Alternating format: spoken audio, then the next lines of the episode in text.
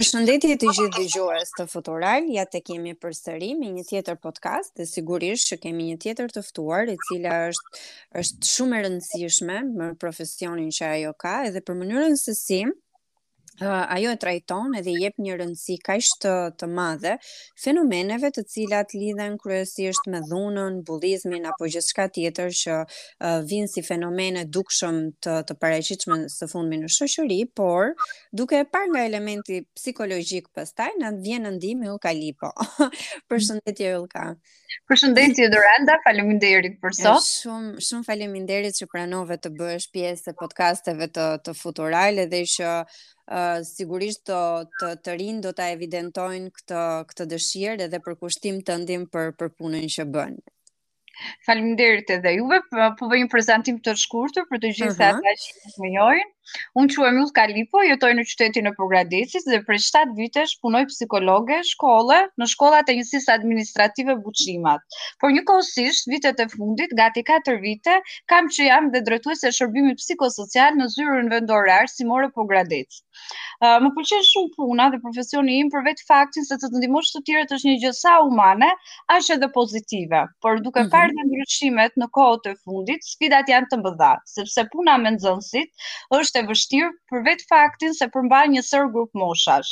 Ne e dimë që grupmoshat shkollore fillojnë që nga fëmijëria dhe deri tek një sërë ndryshimesh që ndodhin me zhvillimin e tyre psikomotorik dhe social, siç është puberteti, adoleshenca, rinia. E kuptoj. Pra, Ylka ti uh, në gjithë këtë gamë edhe në të gjitha këto të dhëna, uh, në fund uh, evidenton atë që unë e thashë pak më përpara, që psikologjia është ajo fusha që ty të uh, identifikon shumë shumë mirë. Dhe ne në fakt kemi zgjedhur të flasim sot për dhunën emocionale tek fëmijët, si shihet dhe cilat janë pasojat në zhvillimin e, e tyre. Uh, ti has shpesh me të rinjë të cilët uh, e mbartin në vete këtë problematikë të ngarkesës emocionale të, të dhunës? Po, uh, atëherë, vitet e fundit, që siç ka qenë dhe situata mjaft e vështirë në Shqipëri, siç ndodhi tërmeti, pandemia, pati një sërë problematikash të cilat u po mhm. pasuan mm -hmm. më pas tek të rinjtë, uh, sepse izolimi, distancimi social bëri që të rinjtë të uh, rrinin më tepër tek rrjetet sociale, mos kishin kontaktet mhm. fizike mm -hmm. dhe uh, komunikimin ballë për ballë me njëri tjetrin dhe dashur pa dashur u bënë pre dhe kësaj dhunës emocionale sepse dëshirat, mendimet që ai ata mendonin dhe po përjetonin në atë kohë si të thuash ishin të shtypra brenda tyre. Mm -hmm. Dhe mhm. këto rezultate dhe kjo dhu, forma e dhunës emocionale u pasqyrua në momentin kur ne u rikthyem. Uh, mm -hmm. Dhe mhm. këtë gjë e vërtetojmë nga dhe nga rritja e rasteve të të rinjve që kërkojnë ndihmë psikologjike pranë shërbimit psikosocial. Mm -hmm. Ne kemi një numër të rritjes të numrit të tyre, qoftë adoleshentët, qoftë fëmijët në moshën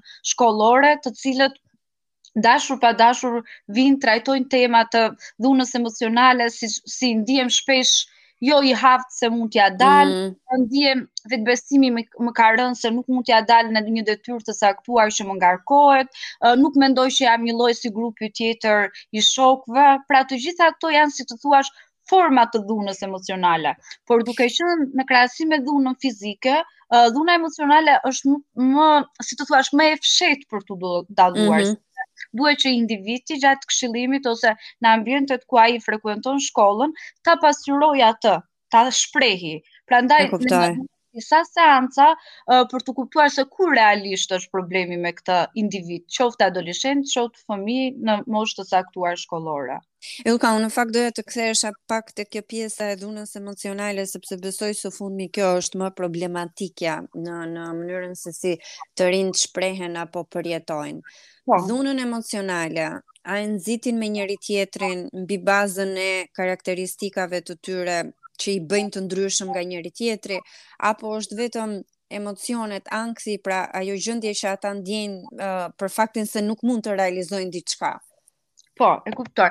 Atëherë po them që dhuna emocionale dhe psikologjike është po aq e dëmshme sa të gjitha llojet e dhunës mm -hmm. të tjera. Kohët e fundit është vënë re se dhuna emocionale mund të jetë uh, e dëmshme dhe duke u shfaqur në një sërë formash siç e thatë uh, nga ndaj grupeve, nga ndikimi i grupeve shoqërore ku ata marrin pjesë dhe disa nga um, si të thuash evidentimet janë fyrjet, ofendimet, mm -hmm. e përsëritura mhm. përçmimet, talljet, përuljet, kërcënimet, përjashtimet, të gjitha këto bashkë karakterizojnë si një dhunë emocionale.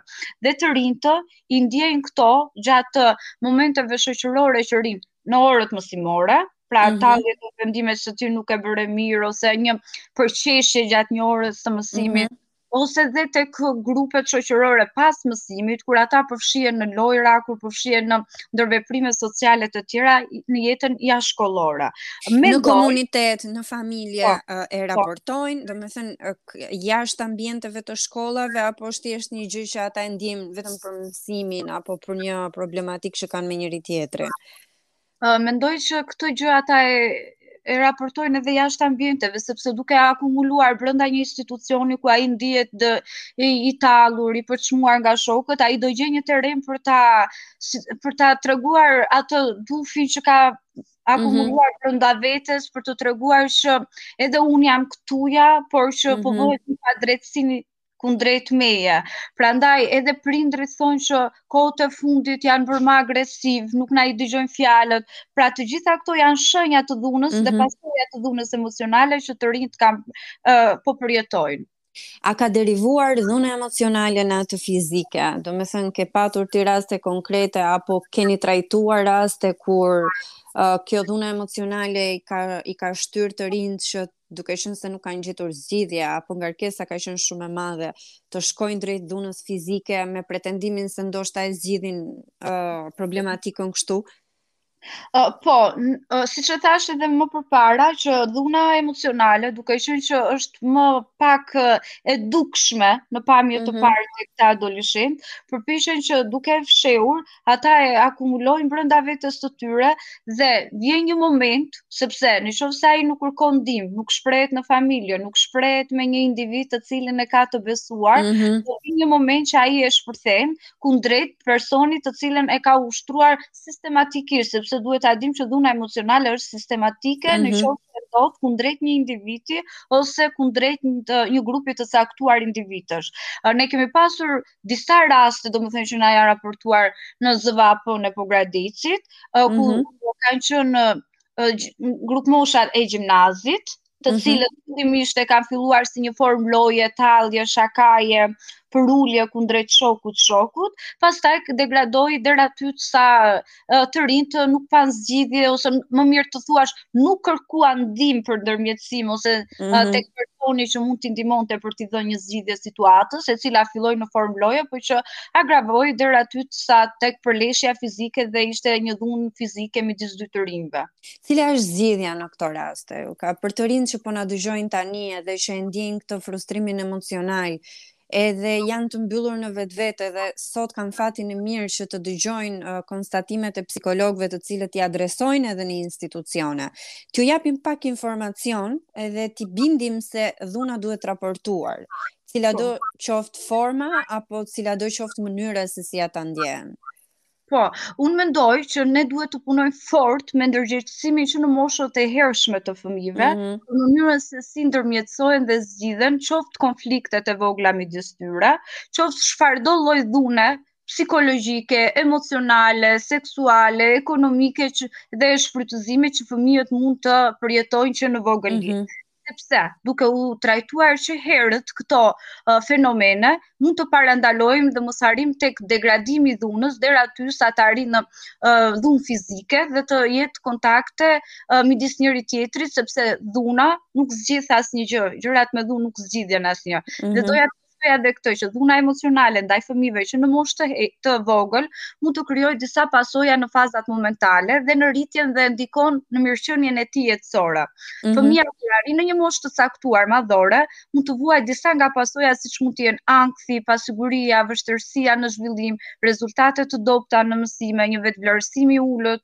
Mungesa e dëshirës për të komunikuar me të tjerët, vetizolimi, kërkesa apo pritje të vogla për ata që mund të kenë një arritje në jetë, mungesa e besimit për të kërkuar raporte miqësore dhe të qëndrueshme me të tjerët dhe të gjitha këto që thashë, në qoftë se nuk trajtohen që në mhm. fillesat e tyre, janë si të thuash indicje dhe shfaqje të dhunës ndaj të tjerëve sepse një fëmijë i cili është rritur në një ambient të dhunshëm në një shoqëri ku ka parë dhunë dhe nuk ka parë një ndërmjetësim, komunikim, një rrugë për të kërkuar një zgjidhje për problematikat e tij, do për do do të bëjë të njëjtën gjë kundrejt të mhm. tretë tjerëve.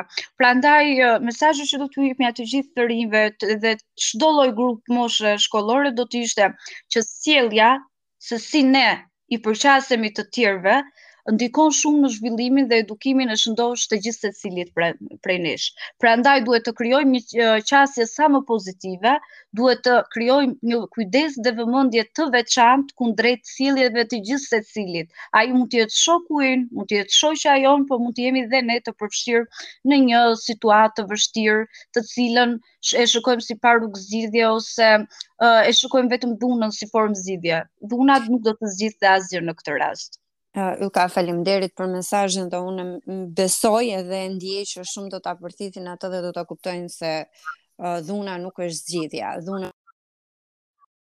Por në fakt unë kam edhe një pyetje të fundit sepse më erdhi në mendje nga biseda e mëhershme pra e jona dhe doja të të pyesja gjithmonë ky uh, psikologut është parë me rezerva. Domethënë, kur ti diskuton me po. të rinjtë, ata nuk është se kanë qenë shumë të gatshëm të shkojnë te psikologu, sepse mendojnë po. se të dhënat e tyre do, do dalin edhe uh, psikologu nuk do ta ruajë atë um, informacionin që ata japin.